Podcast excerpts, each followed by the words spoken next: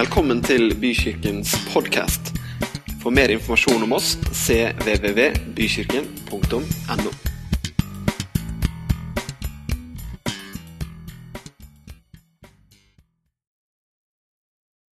Fra vi er små, så er det et utrolig stort fokus på få ting. Særlig i jula. Hvor mange har ikke fått dette spørsmålet? Hva fikk du til jul i år?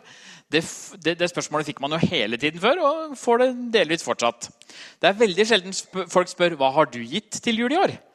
Dette fokuset på å gi det er liksom ikke like viktig. Det er det man får, som er på en måte det vi virkelig setter pris på. Og jeg må si at jeg er ganske dårlig på å gi gaver. I hvert fall, Jeg kan plumpe skikkelig noen ganger. liksom. Eh, kona mi har fått en støvsuger til jul en gang. For å si det sånn. Det er ikke, det er ikke min fortjeneste at vi fortsatt er gift. Det er ikke der, det er ikke der eh, romansen kommer, da, kan du si. Eh, så, men det å gi, det er jo ikke en byttehandel. Eh, det er ikke sånn at ok, jeg gir en gave, og så forventer jeg å få en gave tilbake igjen. Eh, for sånn var det også litt da vi var små. ikke sant? Eh, jeg husker jeg fikk en julegave lille julaften av en kar eller en gutt da, i klassa mi. Og så hadde ikke jeg kjøpt noe til han. Og jeg bare, å nei, shit, det er jo julegave, Vi skal jo bytte, liksom. Det er det som er greia. Så da måtte jeg ut på julaften. Kjørte pappa meg til han da med en gave. Trysil, sol, snø, og det var så mye snø på trærne at det bare liksom, du holdt på å dette av. Det var så fint. Og så kommer liksom radioen med White Christmas i tillegg.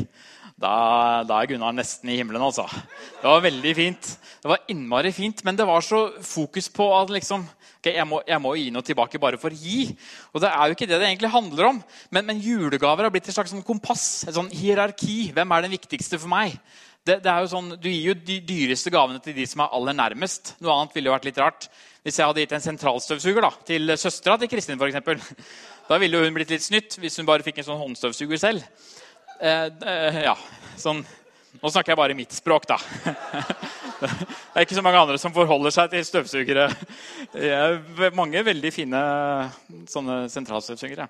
Eh, men, men, det hadde blitt feil. ikke sant? Da hadde kona mi blitt litt sånn Ok, hva holder du på med liksom? med søstera mi? Eh, det er jo rart at hun får en så dyr uh, støvsuger. Uh, det hadde blitt reaksjoner på. Så Det er liksom hierarki som vi legger opp til. Uh, men det å gi det skal jo være et ekte tegn på kjærlighet der man ikke forventer noe tilbake. Liksom, da, da, kan vi glemme julegave litt. Da begynner vi å snakke på et litt annet nivå. nå, nivå. Dette må være sjenerøs. Det er så helt fantastisk å være sammen med sjenerøse Jeg klarer ikke å si det engang. Så fantastisk er det. Sjenerøse folk. Det er fantastisk å være sammen med dem. Jeg tenker ikke bare på det du får sånn rent, at du får en middag kanskje, eller at du får noe av dem, men, men, at de deler livet sitt. At de byr på livet. At de åpner livet sitt for andre. Det er utrolig deilig å være sammen med sånne folk. Det er så smittsomt og det er så fint. Og Jesus han møtte også flere sånne på veien mens han gikk på jorda her. Og Vi skal lese om en av de, uh, disse, disse, tingene han opplevde. Og Dette skjedde kvelden før skjærtorsdag, så det er en veldig spesiell setting. Uh, Jesus vet at han snart skal dø, uh, ut fra de, den teksten vi skal lese. Så, så skal, og De har middag sammen med, med flere andre. og Vi skal lese fra Markus 14, vers 3-9. Oi, det var innmari liten skrift for meg. Jeg, hadde, oh, der, jeg ser det faktisk her, ja. Jeg leser sjøl, ja. Men han sa til mannen med den visne hånden Nei, dette er jo, dette er jo veldig feil. Rett og slett. Markus 14, vers 3-9. Nå burde jeg sikkert ha klart å bare dra opp det i hodet eh, sånn uten å huske noen ting, men det, det, klarer jeg ikke helt uten videre. Uh, historien da, som dette her er, det er at Jesus er på middag sammen med flere av disiplene sine. Eh, og så kommer det inn en dame som heter Maria. Og Maria hun eh, ønsker å gi Jesus en fantastisk gave. Hun har med seg en alabastkrukke som er full av nardussalve. Og denne salven den er verdt en årslønn, eh, så den er kjempedyr. Og den salven bestemmer hun seg for å gi. Tusen takk. Det er godt vi har en pastor med, med bibel. Så da leser vi Da han var i Betania, i huset til Simon den spedalske, og mens han satt til bords, kom en kvinne som hadde en alabastkrukke med ekte, meget kostbar nardussalve. Han knuste krukken og helte salven over hodet hans. Men det var noen der som ble forarget og sa til hverandre.: Hvorfor ble denne velduftende oljen sløst bort? Det kunne jo vært solgt for mer enn 300 denarer og gitt til de fattige. De refset henne strengt. Men Jesus sa, 'La henne være. Hvorfor plager dere henne? Hun har gjort en god gjerning mot meg.' De fattige har dere jo alltid hos dere, og dere kan gjøre godt mot dem når dere vil. Men meg har dere ikke alltid. Hun har gjort det hun kunne. Hun kom på forhånd for å salve mitt legeme til gravferden. Sannelig sier jeg dere, hvor som helst i hele verden hvor dette evangeliet blir forkynt, skal også det denne kvinnen har gjort, bli fortalt til minne om henne. Jesus blir overøst. Han blir helt fullstendig det, det, Nå snakker vi ikke støvsuger. Nå snakker vi liksom noe av det største man kan gi, noe av det dyreste man kan gi på den tida. Det får Jesus over seg. Blir salva. Og det var en veldig spesiell kveld. Jesus vet at han snart skal dø. Han skal dø for menneskeheten. Eh, men det er nesten uforskammelig, det som skjer. Eh, og det viser da hva Maria, denne jenta, hvor høyt hun setter Jesus. Det er ingen over deg, Jesus. Det er ingen ved siden av deg. Du er det største. du Gir, jeg gir alt jeg har til deg. Hun var ikke rik, men den årslønna den bare ga hun til Jesus. Og Egentlig er det litt overraskende at Jesus tillot det. tenker jeg. Hvis jeg hadde vært der, i hvert fall, og noen hadde kommet sånn til meg, så hadde jeg sagt at dette her er jo litt voldsomt. Eh, og Jesus sier jo mange andre steder i Bibelen nå at det er viktig å gi til det fattige. viktig å være til stede for de som ikke har noe. Så det politisk korrekte det er jo å gjøre nettopp det. Det var helt uh, innafor at de andre liksom stussa litt.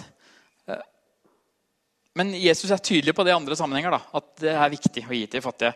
Så, så han, det Jesus sier, er at vet du hva, jeg trenger også noen. Han vet han snart skal dø for menneskeheten. Han trenger noen som setter han høyest. Jesus trengte noen der som sa vet du hva, du er det viktigste, Jesus. Jeg gir deg alt. Jeg gir alt jeg har til deg. Så er det en annen historie fra Bibelen der, der Jesus uh, forteller om en enke som, som, gir to småmynter i, utenfor tempelet som tiende. Det er nesten ikke verdt noen ting. Det, det er så å si ingenting mange andre rike som ga mye penger. Og det er kjempefint. Men disse to små pengene, det, det, det, det la Jesus skikkelig merke til. Og egentlig der å tenke at Jesus burde egentlig gitt henne penger. Han vet at hun er enke, vet at hun er veldig fattig. Uh, hvorfor kunne ikke han bare gitt henne penger? Det var jo det som man skulle tro uh, tempelet kunne gjøre. At du er jo fattig, du trenger penger. Men han tok imot det hun hadde, og hun ga også nesten alt hun hadde. Og Jesus tar det imot. Jesus velger å ta imot gaver. Jeg lurer på om det er lettere å gi når man har lite. YouTube flommer over av videoer der man ser mennesker som eh, ja, er tiggere, uteliggere. Sånne sosiale eksperimenter. Altså, det er ikke bare meg og Erik som har sett på det også, eller?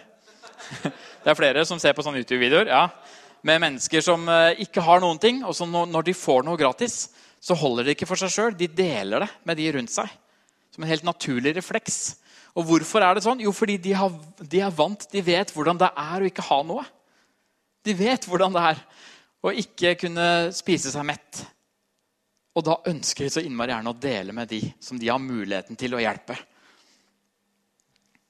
Rike folk kan absolutt være sjenerøse, ikke misforstå meg. Men jeg tror det er lettere å starte med det her når du er, før du har blitt rik. Det er lettere å være eh, involvert i ting når du sjøl har vært med på det. For Hiam er det lettere å jobbe så aktivt med flyktninger fordi hun selv har vært på den andre sida. Hun vet hvordan det er å være i et asylmottak. Hun vet hvordan det er å komme til en kultur du ikke kjenner i det hele tatt. Der du ikke aner hvor lenge du skal være i landet engang. Hun vet det, hun kan sette ord på det, hun kan hjelpe dem på en helt annen måte enn det jeg er i stand til. Jesus liker gaver, og han ser verdien i gaver. Og ikke bare eh, altså Jeg tror faktisk at Jesus som sagt trengte denne nardussalven. Det var et å, det er faktisk folk her som setter pris på meg. Jeg tror han trengte det for å klare å gå gjennom det han skulle gå gjennom. Men, men ikke bare det, men han ser også hvordan vi som mennesker trenger å gi. Hvordan vi er nødt til å gi av oss sjøl for at det livet vårt skal være verdt å leve. For at det skal gi mening. Og Her er det et lite paradoks i dette med vår tro på Jesus. Fordi jeg tror at Jesus har gjort alt for meg. Det er ikke noe jeg kan legge til for å komme nær Gud. Jeg kan ikke gjøre meg fortjent til å være med Gud. Det klarer ikke jeg med mitt liv. Eh, det, det får jeg bare ikke til. Så Gud har gjort alt for meg. Gud har gitt meg en gave som det eneste jeg trenger å gjøre, er å ta imot. Men paradokset i det er at i det øyeblikket vi tar imot, i det øyeblikket vi kommer nærmere Guds natur, i det øyeblikket vi blir mer menneske fordi vi får Jesus på innsida, når vi blir mer som Jesus, så ønsker vi å gi. Så er det naturlig å gi. Når man ser Jesus og ser den kjærligheten han har gitt oss først, så er responsen kjærlighet tilbake. Så mye jeg bare kan av kjærlighet tilbake. Det er naturlig å gi videre. Gud er sjenerøs, og Guds natur er sjenerøs. Og det har vi fått inni våre hjerter når vi tar imot Han.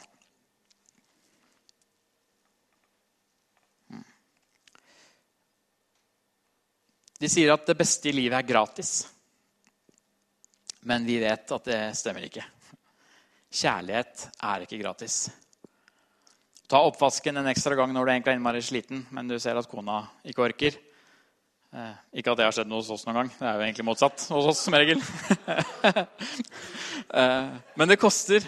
Stå opp med barna sjøl om det ikke er din tur den dagen. Det koster. Det er ikke gratis. Kjærlighet er ikke gratis så får Jesus et spørsmål eh, der en fariseer spør hva er det største og det viktigste budet du kan gi oss. Hva er liksom det viktigste? Jødene de har jo hatt mange hundre bud ikke sant? og regler. Det er jo veldig mye å forholde seg til. Så jeg skjønner at det spørsmålet kommer. Men det han egentlig mener er, ok, hva, er, hva handler livet om? Hva er det vi skal leve for, Gud? Jesus. Eh, og i Markus 12, vers 30-31, så får vi svaret. Du skal elske Herren din Gud av hele ditt hjerte, av hele din sjel og av hele ditt sinn av all din kraft. Det andre er dette du skal elske de neste som deg selv.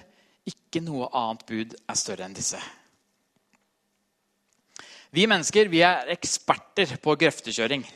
Vi er kjempegode på det. Vi oppdager én ting, og så er det det vi skal gjøre. Og dette er det riktige. Jeg heter Gunnai. Det er liksom der vi, det, er der vi veldig fort kommer. Og det gjelder også når vi har begynt å følge Jesus. Så er det fort gjort at det, liksom, okay, det handler bare om deg, Jesus. Jesus, du er det største. Gud, du er det aller største. Og så blir det en veldig åndelig og sikkert en fin greie. At man får et veldig tett forhold til Gud. Å ja, dette er så bra. Gud, du er så nær, og vi kan være så tett sammen. Og, og så glemmer man etter hvert at det fins et verden rundt. Og så blir man faktisk irrelevant for mennesker fordi man bare er sammen med Gud. En annen ting vi gjør, er at vi kan bli innmari gode på å huske oss selv. Og ja, jeg har jo liksom fått en greie jeg skal gjøre med mitt liv. Funnet din drøm. ikke sant? Søker sin egen drøm. Selvrealisering er jo det vi holder på aller mest med for tida. Det jeg har i meg, liksom, det skal virkelig ut.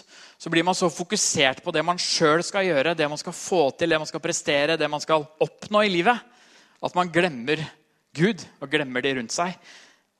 Eller så kanskje du er altfor fokusert på andre. At du, at du eh, du gjør tjeneste for andre hele tiden. Det handler om at de andre skal ha det bra. Så glemmer du at det er egentlig Gud som er redningen. At det ikke er du som kan gjøre ting på vegne av alle andre hele tiden. Så Det Jesus gjør gjennom disse versene, er at han skaper en helt fantastisk balanse i livet vårt. Han skaper en utrolig god retning for livet vårt, der det handler om å elske Herren. Yes, jeg gir deg alt, Herre. Og det handler om å elske deg sjøl. Ja, jeg skal få realisere meg sjøl og skape det du har gitt meg. Det skal jeg få til det, i det livet jeg har på jorda. Og så handler det om at det ikke bare blir min drøm, men at det blir de rundt meg også som får ta del i det jeg klarer å oppnå. Det handler om å elske den neste like mye som deg sjøl. Vi hadde avtalt en litt sånn diskré pianotegn. Er det noen som har merket det? Nei, jeg kunne la være å sagt noe. Men så enkel er ikke jeg. Så vi har snakka om å gi. Vi har snakka om at det er helt naturlig når man har blitt kobla på Gud. Det er en helt naturlig konsekvens av å være ekte menneske. Helt og fullt menneske. Men den kjærligheten, den starter ikke hos deg. Den kommer ikke i utgangspunktet fra deg. Den kjærligheten har vi først fått fra Gud. Gjennom det som skjedde i denne tida for over 2000 år siden. Ved at Jesus ble menneske. Jesus kom på denne jorda for å vise Guds kjærlighet, Guds sanne ansikt. Og den kjærligheten, den må ligge som grobunn for alt du gjør i livet ditt. Den ligger der som en trygghet på at han er der for deg. Han er der hele tiden. Han ser deg, han vet hva du går gjennom. Han ser hva verden går gjennom nå. Han ser flyktningene som kommer hit, livredde. Ikke aner hvor lenge de skal være her, ikke aner hvor de skal bo, vet ikke hvor de skal få seg mat. Kan ikke språket, kan ikke kulturen. Kommer fra velstand og et fint liv og bare rykkes bort fra en natt til den andre. Han ser de menneskene. Han ser deg som gruer seg til julaften alene nok en gang. Han ser deg som som ikke har noen andre. Han ønsker at du skal få ta del i den kjærligheten. Ikke for at du skal holde den igjen for deg sjøl, men for at den kjærligheten kan bety så mye for andre mennesker òg. Fordi det naturlige når du får kjærlighet, det er å gi kjærlighet. Puster inn kjærlighet og puster ut igjen Guds kjærlighet til andre rundt deg. Det går ikke an å bare puste inn. Det stopper opp. Du må puste det ut igjen. Og da får du enda mer kjærlighet som du kan gi videre. Og Hvis du ikke har tatt del i den kjærligheten ennå, hvis du kjenner at dette her har ikke jeg i hjertet mitt, jeg har ikke den troen, jeg har ikke den tryggheten, jeg har ikke Gud her, så ønsker jeg at du skal rekke opp hånda di, så ber vi for deg nå, sånn at du skal få den kjærligheten. Sånn at du kan gi den videre til de som trenger det rundt deg. Du klarer det ikke aleine. Du klarer ikke dette livet her aleine. Oppgaven er for stor til at du klarer det aleine. Hvis du er usikker på det, rekk opp hånda di nå. Og så skal vi be for deg, og så skal du få kjenne at Gud kommer inn i ditt liv.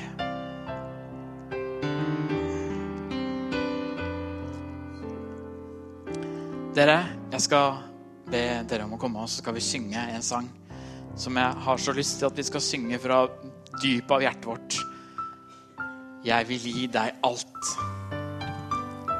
Jeg vil ikke bare gi deg litt, men jeg vil gi deg hele alabastkrukka mi. Gud, jeg vil gi deg alt. For du fortjener det, og denne verden trenger.